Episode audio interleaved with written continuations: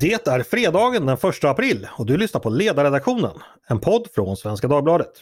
Jag heter Andreas Eriksson.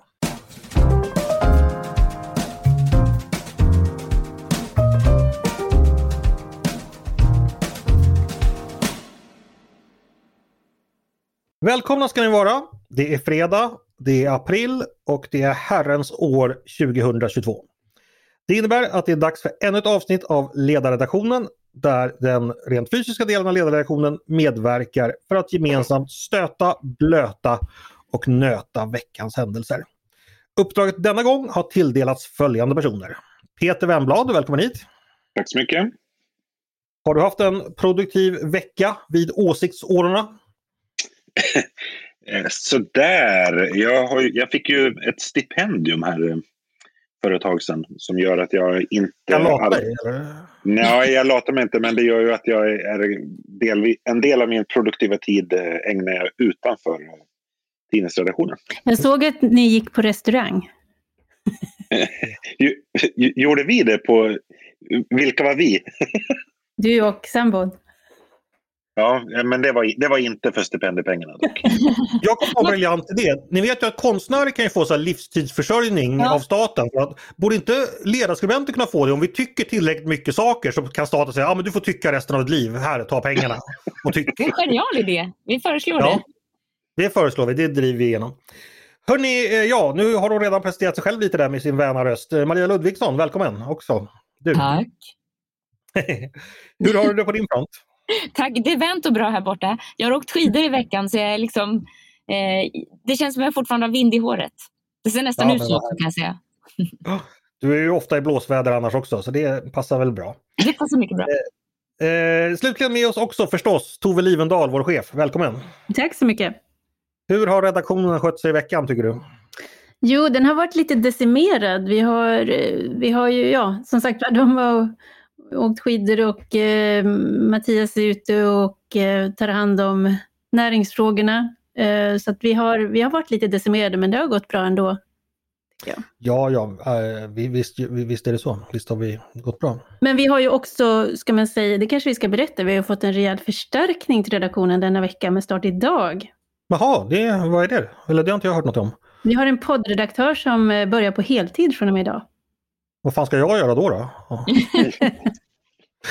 Men det är sant, eh, kära lyssnare, att ni har ju bara fått 50% av mig eh, än så länge. Nu ska ni få mig på heltid eh, i och med att det är valår och sånt. Så jag kommer jobba heltid på Svenska Dagbladet som poddredaktör och har ni riktigt tur eller otur kommer ni även få se mig i skriven form framöver. All Men, of me, why don't you take all of me? Hörrni, vi ska inte prata om mig. Den här podden ska handla om allting annat än om mig. Eh, den ska nämligen handla om redaktionen och era åsikter och era texter. Och jag tänkte vi ska börja med eh, Mia då faktiskt. Mm. Och då ska det handla om eh, ja, en sån här fråga som är lite i skymundan när det är krig och annat. Men det är en viktig fråga. Det ska handla om kronvittnen och att regeringen struntar i lagrådet. Jag tänkte vi ska börja med det förstnämnda. Vad är kronvittnen för någonting och vad tycker vi om det? Eh, kronvittnen, det, låter ju som någonting eh, lite sådär, som hör till schackspel nästan, att man har en krona på huvudet. Så. Men det handlar egentligen om att mm, en person som är misstänkt för brott kan i rättegången få ett lägre straff om den kan tillhandahålla intressant och för polisen vidkommande uppgifter om andra brottslingar. Det är en sorts sätt att eh, köpslå med eh, med sitt straff. Och det här har man, man har provat det i andra länder och då säger man att det funkar bra därför att det leder till att man får information som man annars inte skulle få. Man ska helt enkelt kalla på sina medbrottslingar då? Ja, precis. Och, och, jag kan ju förstå tanken att det är klart att brottslingar och den undre världen, de, där finns massa bra information som polisen inte kommer åt på något sätt. Om man inte gör så att man säger, jo men prata lite med mig här i, ett, eh, i rummet invid så kan, du, så kan jag ordna någonting till dig. Det blir liksom ett köpslående om själva straffet. Eh, mm. Eh, och, och, det är ju alltid de här på senare år har vi pratat ganska mycket eh, kriminalpolitik och, och, det blir allt oftare så att man säger ja, principiellt är vi emot, men just nu är det så allvarligt att vi måste ta till de här medlen. Och det är just när man börjar prata så som det behövs, inte bara ledarskribenter utan fler som pratar om just vad som är rätt och fel rent principiellt. Principer är ju enkla att använda i lätta tider men det är i svåra tider som vi behöver dem. Men det låter som du inte alls är pigg på den här idén. Nej, det är en mycket dålig idé rent principiellt. Eh, Varför det? Just, jo, men dels därför att det är, mm, det är flera aspekter. Dels för att det liksom, sätter själva rättsskipningen delvis ur spel. Det betyder att du kan köpa dig ett snabbspår genom eh, eh, straffet om du kan tjalla på någon annan. Men det gör också att eh, alltså en, en rättegång ska ju vara sådan att oavsett vem det är som är anklagad så ska rättegången gå till likadant och utfallet ska bli detsamma oavsett vad. Och om man då har en, en misstänkt som kan dila till sig en bättre, ett bättre utfall så är man mm. inte längre lika inför lagen. Och det är en princip som är rätt viktig att vårda. Mm. Som du sa så förekommer det här i våra grannländer, bland annat Norge och Danmark, eh, ja. med viss framgång vad jag förstår. Men de är alltså fel ute där? Ja. Eh, Okej. Okay. Eh, men kan man inte tänka så här om jag ska försöka försvara förslaget att vi, ja okej okay, jag, säger, jag säger det, just nu har vi så stora bekymmer med en viss mm. organiserad brottslighet så att vi helt enkelt får vara beredda att kompromissa lite för att värdet av att kunna slå sönder den, eh, eller ja, påverka den brottsligheten är större än eventuella principiella invändningar. Eh, men det köper oss inte. Ja, men det, det, gäller ju alla just principdiskussioner. Så är det ju så. Man kan alltid säga men just nu behöver vi det här. Eh, och då har man det är ungefär som att säga, jag håller principen högt men inte just nu. Och håller man den inte högt alltid så gör man det inte. Okay. Men man kan också se det lite, den här, den här diskussionen har ju varit i flera eh, Godmorgon världen-paneler också. Och, och då finns det ändå det har ett värde och det är av vikt att det finns de i den politiska debatten som också vidhåller den principiella diskussionen. Därför att den har, i den partipolitiska debatten så tar man ganska lätt på principer, märkligt nog, eftersom det är där de borde finnas mest. Och då har vi ett ansvar att förklara och försvara dem. Okej, vi ska släppa in de andra. Har vi några kronvittnesvänner, eh, Peter? Eh, Ja, jag skulle nog säga... Jag är nog mer pigg på förslaget än vad, eh, vad Mia är. Vi har ju varit inne på det många gånger eh, förut. Alltså, Mia är ju alltså, principfasthetens riddare i, på Svenska Dagbladets ledarredaktion medan mm. jag med min kommunalpolitiska bakgrund här, av, den, av mer praktisk natur. Ja. Eh, eh, men så att jag är inte helt främmande inför eh, den här idén. Men jag tycker att det finns en aspekt, den aspekt som jag tycker är svårast med ett kronvittnessystem, det är väl liksom brottsofferperspektivet. Ja. Alltså jag förstår ur ett rent så brottsutredningsperspektiv att eh, ett kronvittnessystem, alltså att man kan få fram information som man annars inte hade kunnat få. Men som brottsoffer, om den som har begått ett brott eh, mot dig ska få lindring ja. eh, för att han bistår i en, i en annan utredning Eh, det, det, känns inte riktigt bra i magen. Mm. Okej, okay, då har vi alltså då eh, Mia då som principens eh, ryttare, Don Quijote på sin ädla springare. Vi har Peter som pragmatiken eh, Sancho Panza på sin usla mulåsna. Som, Jag gillar det här.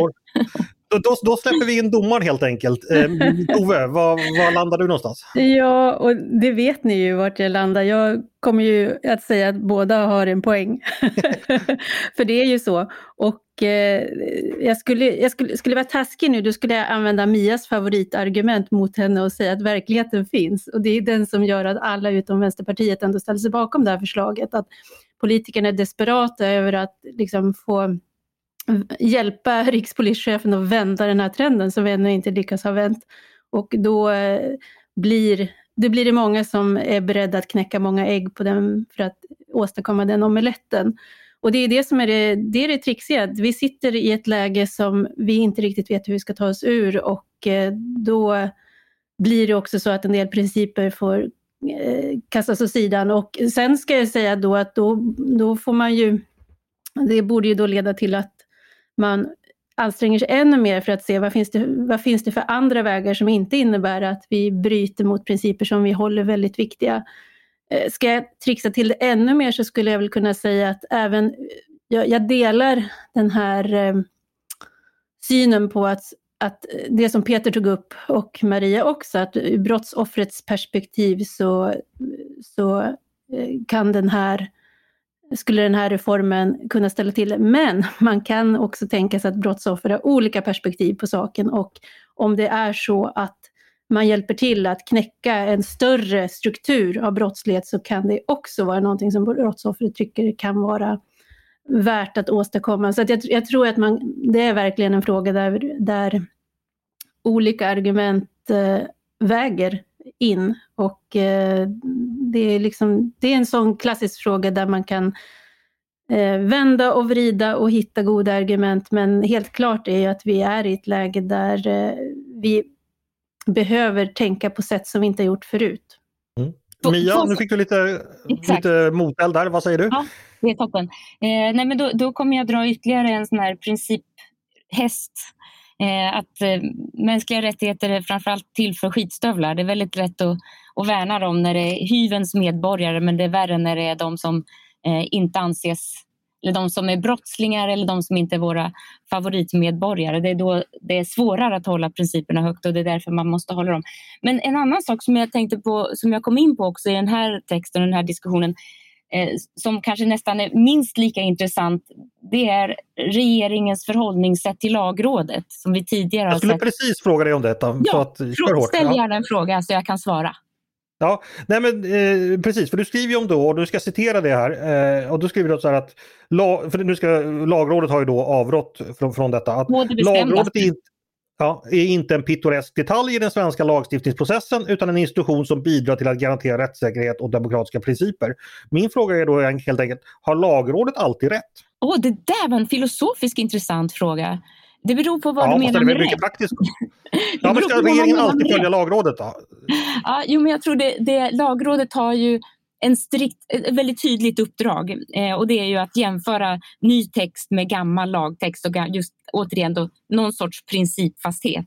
Eh, och mm. det, detta skedde ju även under när man införde gymnasielagen, där, man, där lagrådet alltså var övertydligt med hur uruselt det här förslaget var. Och man från, från politiskt håll tar så lätt på detta, bara negligerar. Eh, därför att man har politisk vinning av att driva igenom någonting som egentligen är principvidrigt eller till och med juridiskt mycket, mm. mycket tveksamt ska bara förklara för lyssnarna att gymnasielagen då som, som Mia nämner, det är alltså den lag om tillfälliga uppehållstillstånd som man instiftade ganska snabbt eh, sommaren 2018 tror jag det var, eh, mm. för en viss grupp eh, unga män, företrädesvis, mm. eller från Afghanistan som hade kommit hit eh, som, som, barn men fått åldern uppskriven och inte hade något skyddsskäl. Men då gjorde man liksom en speciallösning att så länge de utbildade sig och eventuellt fick ett jobb så kunde man stanna. Men det här är en fråga som fortfarande, den här gruppen är ju fortfarande så att säga, i ett litet juridiskt limbo. Och den gången var i alla fall lagrådet extremt. Eh, jag tror man uttryckte sig att gränsen har gått för vad som är en acceptabel process för lagstiftningsarbete. Ja, inte exakt så, men på juridiska var det i alla fall. Jag kan läsa gränsen har nåtts för vad som är acceptabelt i fråga om hur lagstiftning kan utformas. Exakt, och när en jurist skriver det liksom i, ja. i, i startprosa, det innebär liksom att de, ja, de gnuggar tänderna av ilska över liksom detta. Ja. Så det, det var de sliter sitt hår och hoppar. Men poängen här är ju att eh, ibland så har ju politikerna faktiskt eh, så att säga struntat i lagrådet. Eh, borde man helt enkelt inte göra det? det? Det är juristerna som ska ha sista ordet Tycker du? Jag, jag, nej, det, de ska inte. Men det viktiga är ju att de inte gör det till eh, vana. Alltså att man, ja, lagrådet tycker, men det struntar vi Man måste ta lagrådet på allvar. Eh, och det finns väl olika regeringar som har gjort det olika väl och den sittande har varit väldigt väldigt nonchalant vad gäller lagrådet och hur rimligt det är att foga en obegriplig lagtext till existerande lag. Och då har vi, just därför för att det är svårt, så har vi experter som kan sånt. Och om man då nonchalerar dem jag ska säga, regelmässigt så är man nog rätt fel ute. Tove, eh, är det en borgerlig vana eller en socialdemokratisk vana att eh, nonchalera eh, lagrådet eller är båda lika goda kålsopsupare? Ja, det, det, vet jag faktiskt inte, men jag med, Socialdemokraterna har ju haft mer, fler chanser eftersom de har suttit fler år vid regeringen och det finns nog tror jag en, eh, ja, de exempel vi diskuterar har ju nu skett under socialdemokratiskt styre.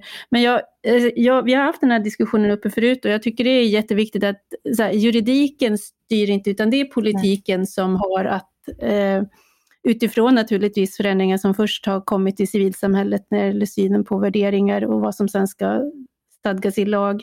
Så det är politiken som ska stå för principen, men lagrådet finns ju till för att eh, hjälpa till att undersöka om det här fungerar rent lagtekniskt.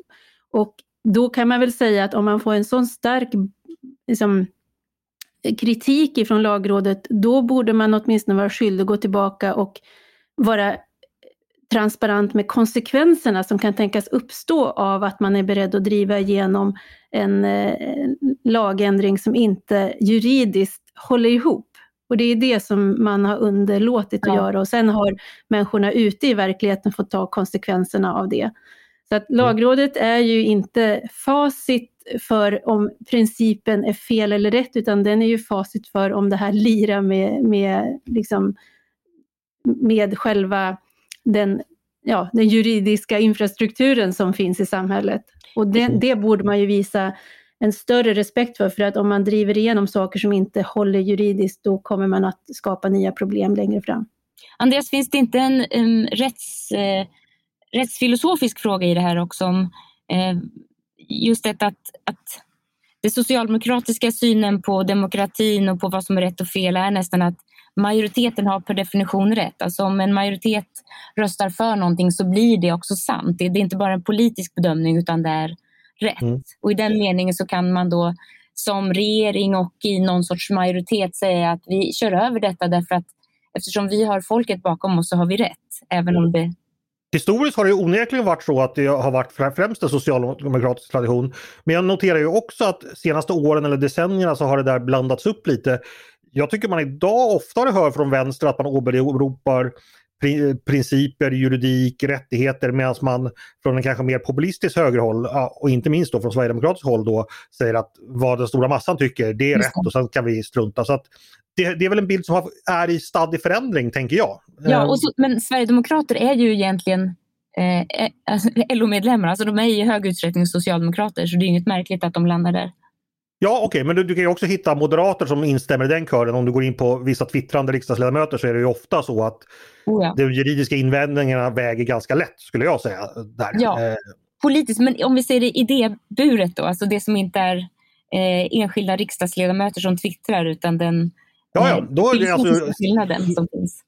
Du ska inte fråga mig om rättsfilosofi för det kan jag inte ens stava till. Men, men jag, jag tror det finns en god poäng där att det, det finns en politisk eller olika politiska idéer här, vad som ja. så att säga ger legitimitet åt. Ja, ideal som skiljer sig. Ja, så är det givetvis. Hörni, eh, vi ska gå vidare innan vi irrar bort oss fullständigt i rättsfilosofins eh, ja, dimmiga dimbankar och eh, tala lite om kriget som fortfarande pågår förstås. Nu verkar det som Ukraina skördar vissa begränsade militära framgångar samtidigt som den ryska terrorn mot civilbefolkningen fortsätter. Eh, gå vidare till dig Tove, du har ju skrivit om detta. Det pågår sporadiska förhandlingar ibland. Eh, något som du noterade att det verkar börs, börsen gilla, aktiemarknaden gilla i alla fall. Men du håller ändå upp ett varningens finger här inför fortsättningen. Berätta! Ja, det var en, bara en, en kort kommentar, men, men visst är det så att det blir sådana enorma eh, konsekvenser av ett krig. Mm. Och eh, det är klart att det är många som sitter och önskar att vi bara skulle bli av med det här och att det snabbt skulle återgå till var vi var innan. Men där, dels så måste man ju komma ihåg att, eh, och det är verkligen sant det som alla säger, att det finns en tid före den 21 februari och en tid efter. Och det, världen kommer inte gå tillbaka till där den var. Eh, utan vi har liksom att orientera efter, eh, oss efter ett nytt läge och det som har skett det har liksom satt igång en irreversibel process. Så det är det ena, att man kan liksom inte bara säga att nu, nu, nu glömmer vi det här. Men det finns ju också eh, i iven då att få lugn och ro igen så finns det också röster som dyker upp som manar Ukraina till att inta en mycket försonande hållning mm. till de ryska kraven.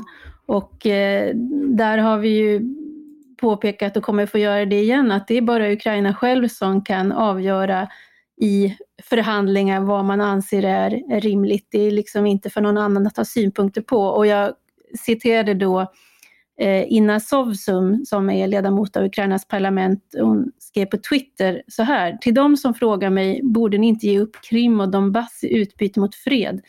Innan ni ställer den frågan, tala om för mig vilken specifik del av ett land ni skulle vara villiga att ge upp om Putin började bomba era städer. Slutcitat. Mm. Och det där tycker jag är, det fångar precis vad det handlar om. Och, eh, som omvärld, vi kan hjälpa till och vi kan eh, försöka på det sätt vi kan att dra slutsatser och sätta gräns på ett rimligt sätt. Men det ankommer icke på någon annan än Ukraina att eh, förhålla sig till de krav som Ryssland ställer upp.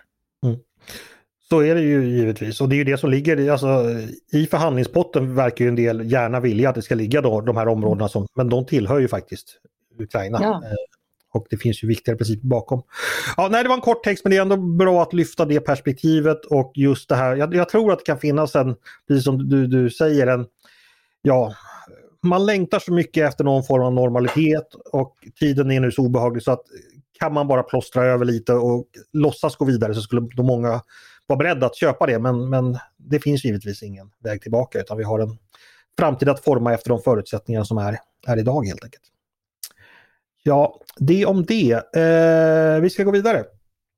Och eh, då så... Eller vänta, jag tänkte jag kanske släppa in Peter här.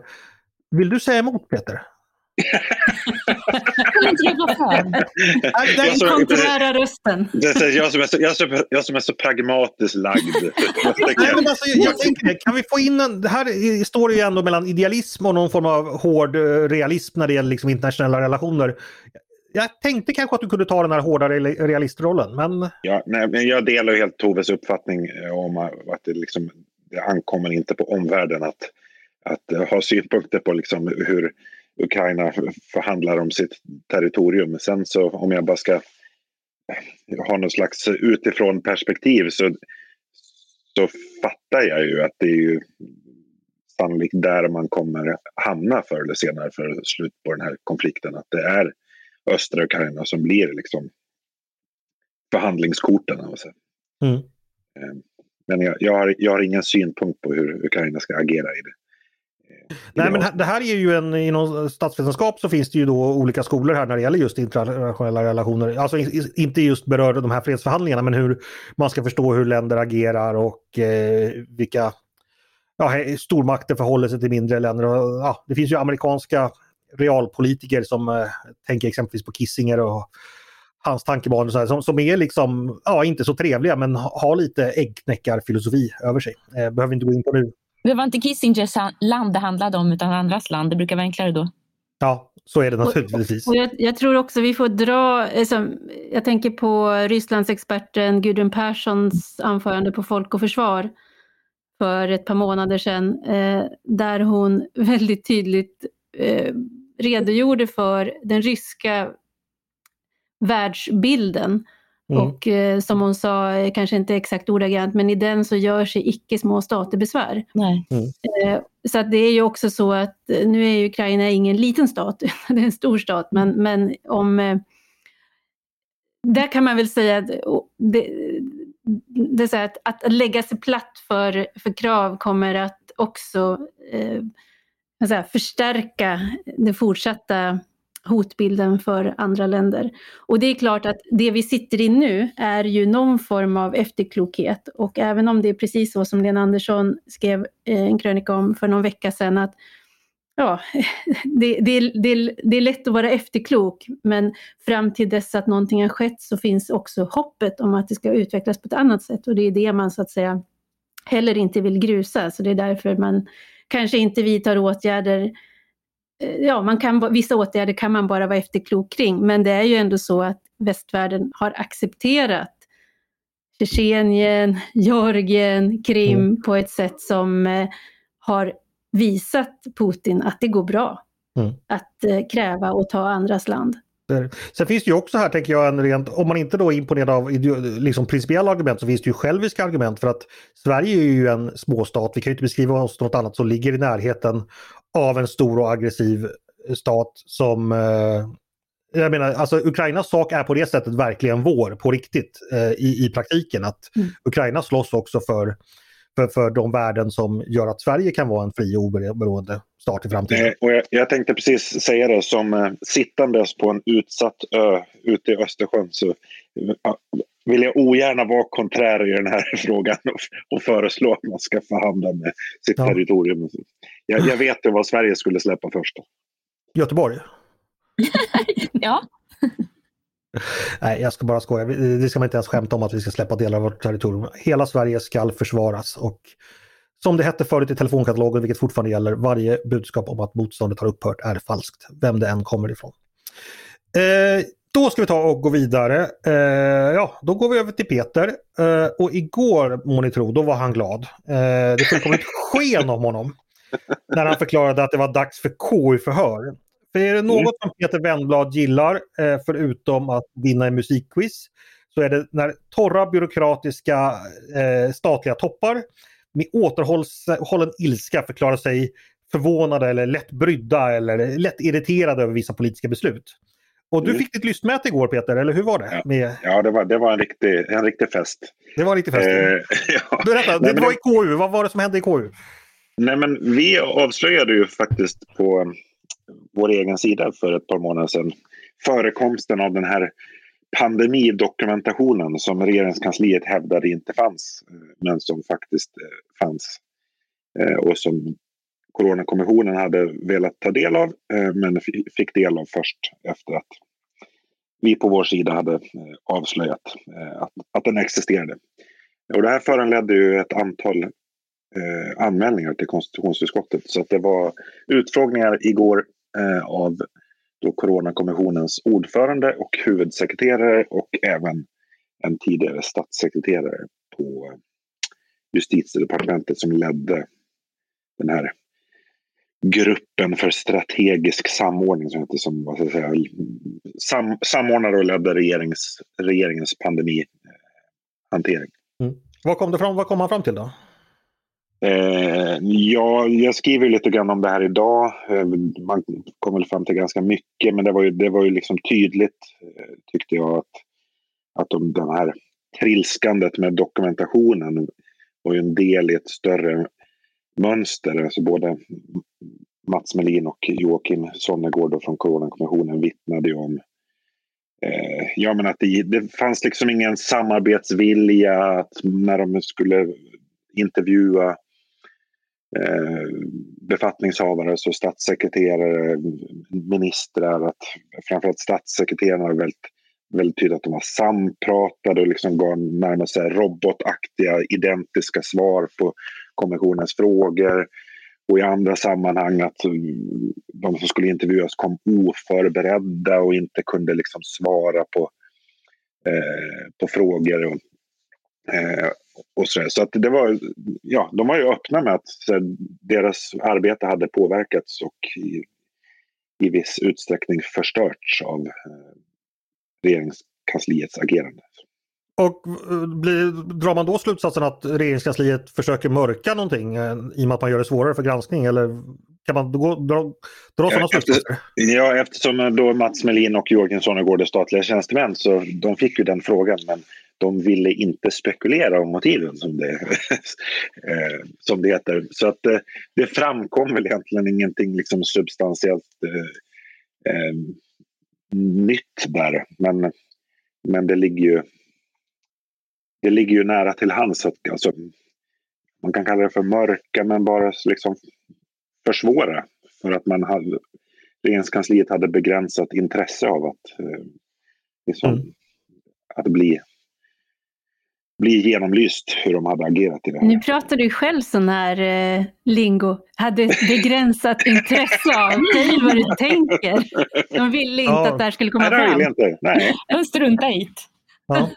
Men, men Yrkesskada. det kan man kanske förstå då att eh, som sagt, man, man inte, det ligger inte i deras omedelbara intresse och så vidare.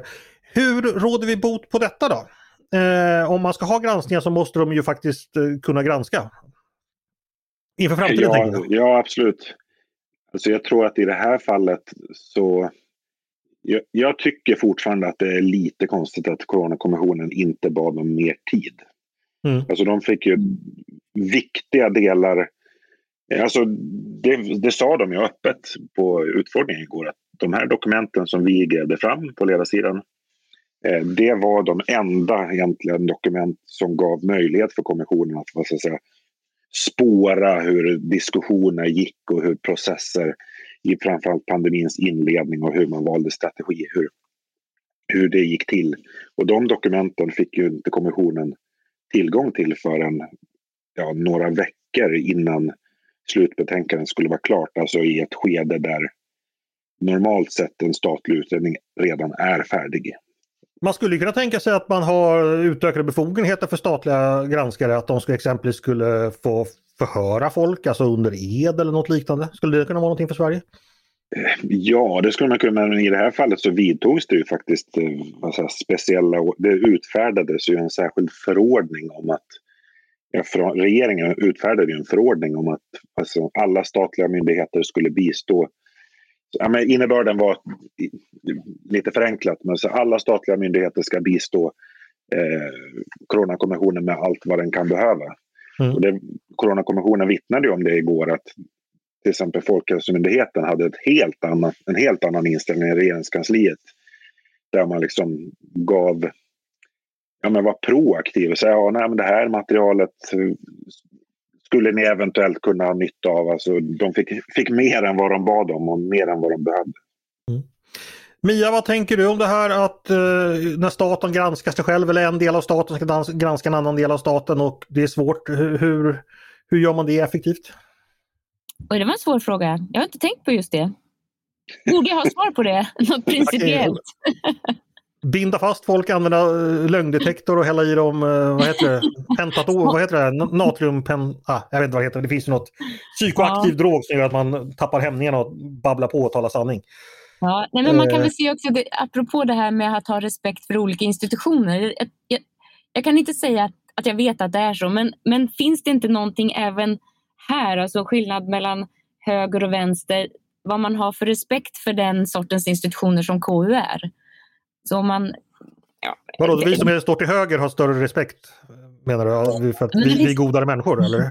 Inte godare, men just för att vi förstår att vi kanske inte är godare så, förstår vi att det, så tänker vi att det behövs institutioner som så att säga mm. är lite större än det, det, det mellanmänskliga, det mänskliga omdömet. Tror du det Tove?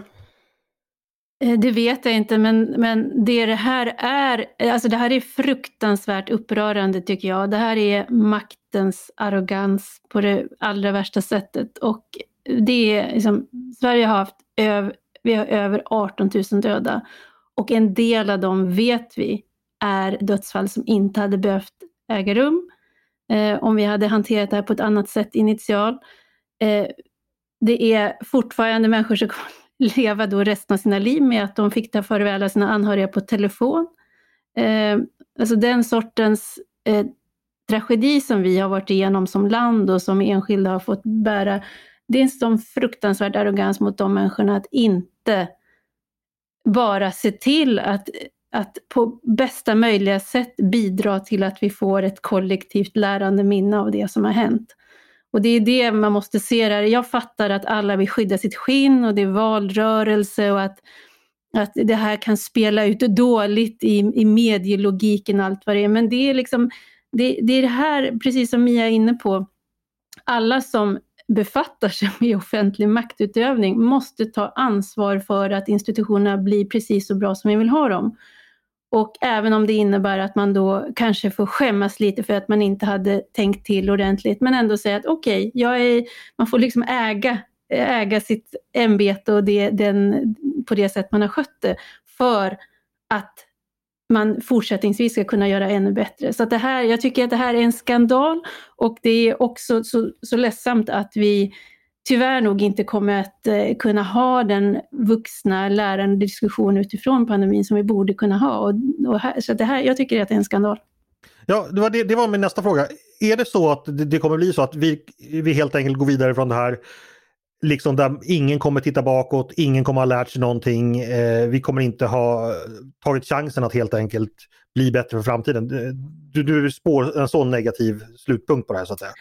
Alltså det finns ju en risk, det finns ju alltid det här liksom, som både piska och morötter. Jag hoppas ju kanske att då att minnet ska dröja lite grann i, hos, jag menar man tänker sig att man i de enskilda regionerna eh, funderar, okej, okay, nästa gång någonting händer, därför att det måste, den insikten borde ändå finnas kvar att ja, det kommer att komma fler pandemier, det kommer att komma fler krissituationer och vad var det då som inte fungerade? Så att man tar hand och, och, men också mellan så att det inte blir det här att man ska uppfinna hjulet på alla håll och, och, och, att det blir liksom ett sånt där not invented here prestige som dyker upp utan att vi av respekt för de som eh, dog i pandemin ändå liksom steppar upp lite grann och försöker se hur vi kan lära. Så att jag, nu har vi ju gått ur askan in i elden så att nu är ju fokus någon annanstans delvis och som sagt var valrörelsen den ligger ju fel på det sättet att vi inte öppnar för att prestigelöst diskutera saker men det måste göras och om inte annat så är det ett jobb som man kan göra när valet är över. Så att frågan, frågan ska inte försvinna bara för att det är valår. Nej, då, då hoppas vi på en fortsättning helt enkelt. Fortsätta ska vi också göra med den här podden. Eh, nästa ämne.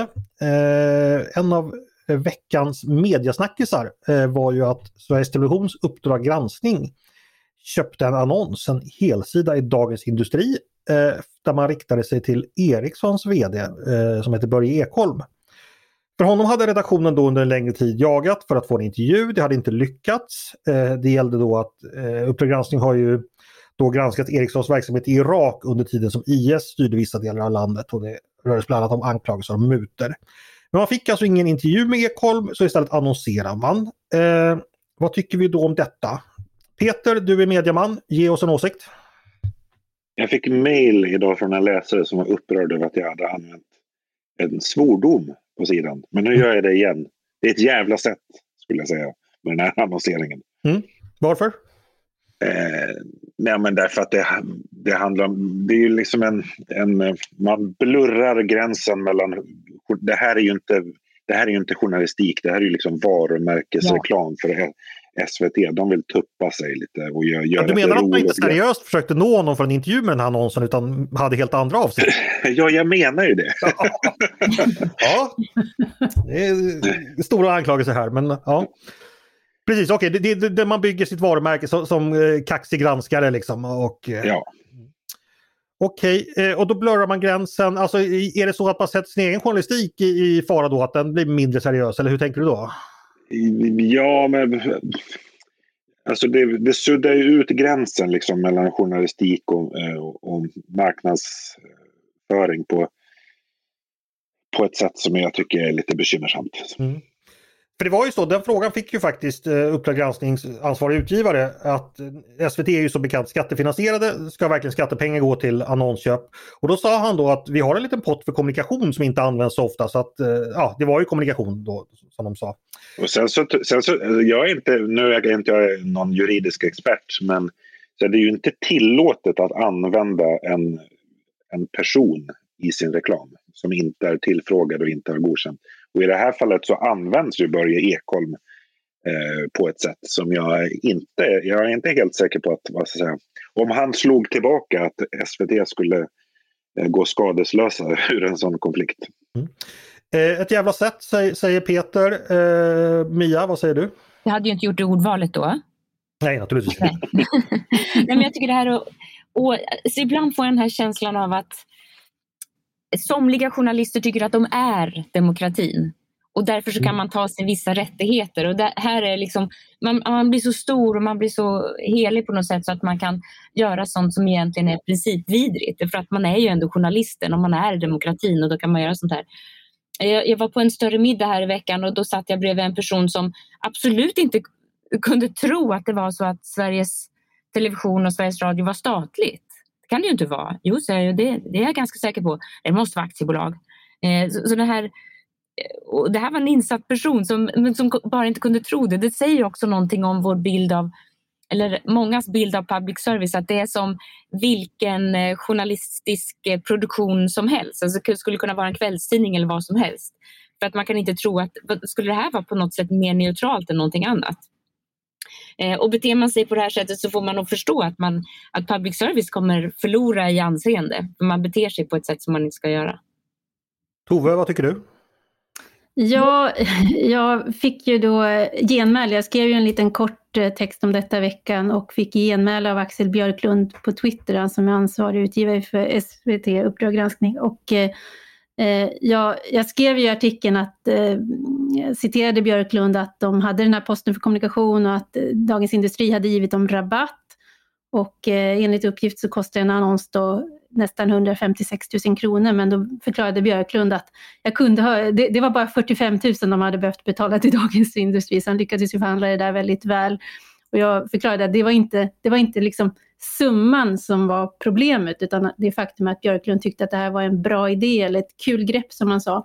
Och en fråga här som jag tycker är viktig, det handlar ju om det, om jag fortsätter där Mia eh, slutade, alltså public service. Jag så här, jag, jag, avslutar med att säga att med sådana här vänner behöver public service inga fiender därför att jag tillhör ju de som absolut kan försvara ett public service, ett litet slimmat med, med tydligt avgränsat uppdrag. Eh, men i det uppdraget där jag då absolut tänker att en, en, en, granskande, det finns utrymme för ett granskande journalistiskt program, så måste man ju bete sig oklanderligt och visa omdöme på att man förstår vad det är för typ av makt man handskas med. Eh, jag tänkte på den här eh, PR-tricket som Gudrun Schyman gjorde i Almedalen när hon eldade upp 100 000 kronor. Och alla applåderade, åh vilket fantastiskt grepp, ja hon fick mängder av uppmärksamhet och det här var ju också i ögonfallande. Det är ju inte så att jag inte ser liksom eh, hur, hur, man har tänkt att ja, men det, här är, det här är riktigt kul för att och dra uppmärksamhet till mig som person. Men det är precis det som man gör då, att det är till mig, det är ljuset på mig och det är inte på det, den uppgift jag har, vilket är att försöka få fram så bra journalistik som möjligt. Så att för mig blir det, ja, det är möjligt att man kan använda pengar på det här sättet, men det visar prov på dåligt omdöme. Just det. Eh, jag ska bara komplettera det Mia sa tidigare att det är ju så att Sveriges Television är ju ett aktiebolag eh, som då ägs av en stiftelse som är då Eh, vars ordförande utses och, eh, av regeringen då och där sitter ju då alla riksdagspartier. Så det är så det statliga inflytandet eh, ser ut över SVD. Och så finansieras det då med eh, skattepengar. Eh, jag tänkte så här, en, en, fråga bara angående det här, om vi bara ska problematisera det här lite med, med medier och makthavare och sånt där. En eh, VD för ett stort bolag som Ericsson, om ett stort medieföretag granskar, ska inte han vara tillgänglig för intervju? Eller vad tycker ni? Ja, det kan man tycka. Ja, tycker du det? Ja. Mm. Tycker ni andra det? Jag tycker att man ska vara beredd att, att ställa, ställa upp på frågor, men sen är det väl också så att just Uppdrag granskning har ju eh, genom sin, sin, sina olika tekniker. Så jag förstår varför folk avstår in i det längsta om de mm. kan. Mm. Därför att, och jag har ju också diskuterat det tidigare, att jag tycker att de flera gånger har gått över gränsen.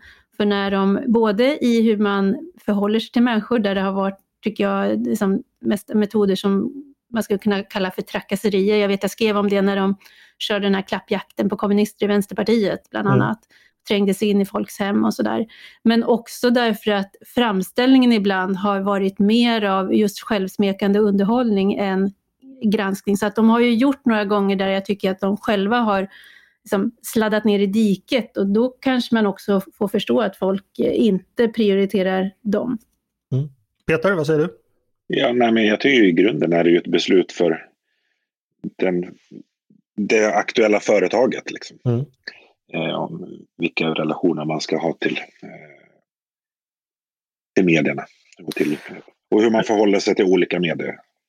För nu var det ju då en viss irritation som hade uppstått för att eh, det var ju så att Ericsson hade ju varit ute i media men då hade man ju valt ett annat medium än det som granskade. Man, man ja, ställde upp på en intervju i Dagens Industri. Och det är väl en så här krishanteringsstrategi som är ganska vanlig att man visst vi kan prata eh, öppet men vi väljer själv vad man ska prata. Och det här brukar ju väcka irritation eh, hos medier. Eh, och det är väl en ständigt pågående diskussion om detta helt enkelt. Hörni, det är ju första april idag eh, och vi har ju hittills inte aprilskämtat någonting i programmet. Inte ens det där att jag skulle börja på heltid var ett aprilskämt. Man skulle nu ska säga att det var ett skämt.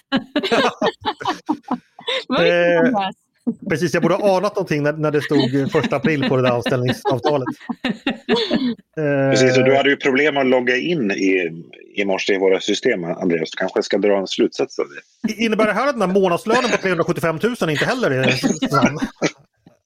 Jag har varit naiv igen som, som Stefan Löfven brukar säga. Jag tänkte ju, vi hade ju, planer, vi hade ju en idé om ett aprilskämt där Peter skulle börja skämta om min fru och sen skulle bara man i podden få höra liksom stolar som välts, tumult och skrik. Men vi kom på att så jävla roligt var det inte. Det är ju inte ens roligt nu när jag refererar till det. Så det, det, det, det, blev inget sånt. Men vi ska ändå ha lite första april-tema för att det, vi har kommit till den avslutande lilla rundan eh, då vi avrundar med en liten rundfråga helt enkelt. Och Det brukar vara en liten klurig fråga som jag ställer och ni svarar då självfallet helt spontant på den väldigt kvicka och lärda eh, responser.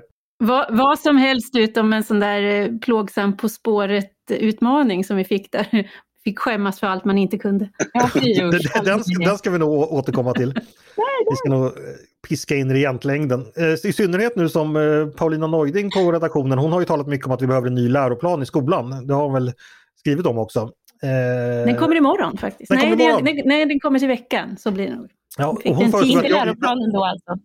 Nej, eh, nej, läroplanen ville hon att jag skulle skriva, eh, men det hann jag inte göra. Men jag kanske gör det och testar den på er nästa vecka.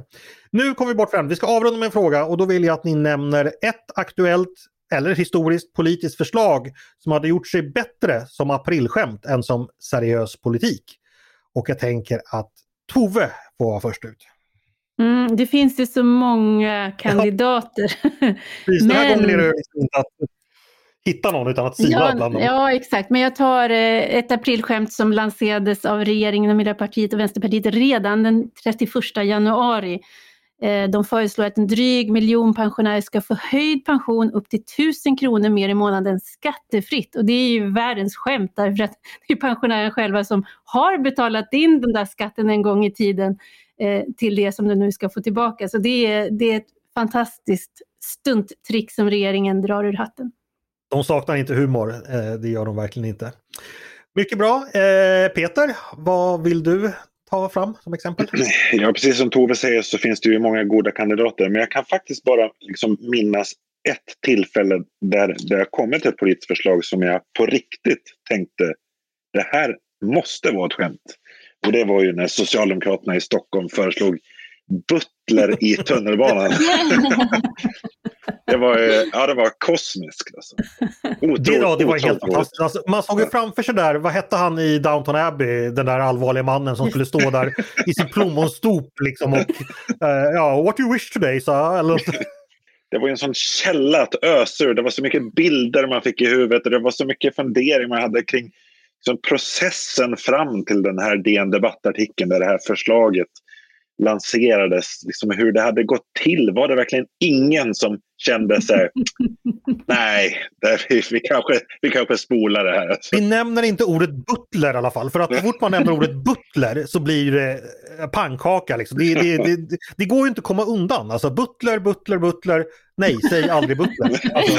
Men var det inte själva texten i övrigt, argumentationen var så där, nu ska vi ha tid att leva, att älska. Alltså, ja, det, var, det, det var så mycket pajigt i det där som var, de försökte ett grepp som inte helt men det här var väl ungefär då 2011, eh, Alliansens heyday, som man insåg att vi håller på att förlora storstäderna helt och hållet. Vad ska vi göra? Okej, okay, vi kan inte utöka något rutavdrag för det, det har vi ju sagt illa, men, men, ja, men någonting mer. Kan vi få ihop det liksom kollektivtrafik, då har vi ju lite tankar på liksom det här, eh, ja, det kollektiva så att säga. Så här. Men samtidigt något som, vad, vad gillar radiosporna? Vad gillar borgarna? Let's outright right. Precis, ja, men... vad, vad, gillar borgarna? Jo men de gillar ju pigor och sånt. Ja, men finare ord. Ja men butlers. Vad fan är en butler? Ja men det är en sån där i plommonstop. Det måste ju alla... Ja, så måste resonemanget ha gått liksom. ja. Eh, fantastiskt. Eh, då har vi bara Mia kvar. Vad har du för, för kandidat? Alltså, jag kan, jag kan verkligen inte välja. Det är så mycket dåligt. Men jag tror jag bestämmer mig i alla fall för tankeförbudet. Tankeförbudet, ja just det. Då talar vi kärnkraft. Ja. Eh, det spelar ingen roll att det är kärnkraft vi talar om utan bara detta att vissa saker får man inte tänka på i Sverige. Bara hitta på det, att man liksom kan stoppa tankar. Bara man, bara man reglerar tillräckligt mycket så tänker människor på ett annat sätt. Ja. Du måste då berätta bakgrunden till detta så att folk förstår. De som inte Kan inte du det. göra det Andreas, som kan det mycket bättre än jag? Det handlar om kärnkraft och att man inte skulle forska i det därför att vi var emot det.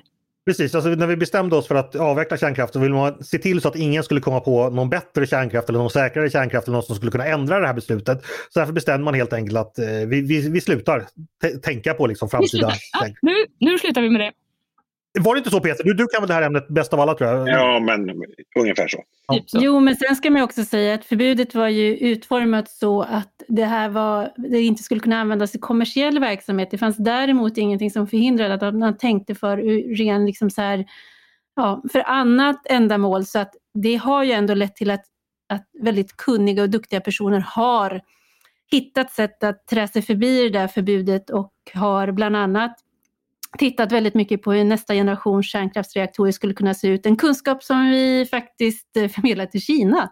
Så, så att det har ju tänkts en del ändå, trots förbudet. Precis, för det Ja. gör man ju då ändå, även om det finns ett förbud. Tänk inte på detta. Då kommer vi tänka ganska mycket på det.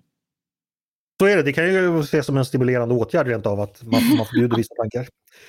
Ja men då så, då tror jag vi var färdiga för idag. Eller är det någon som har någonting att tillägga? Nej, men har inte du något som Ja. eh, sådär skämtsamt som du, någon, någon polit, kan inte du berätta? Min, min kreativitet lägger jag på att, lägga på, på att komma på kluriga frågor. eh, You do well.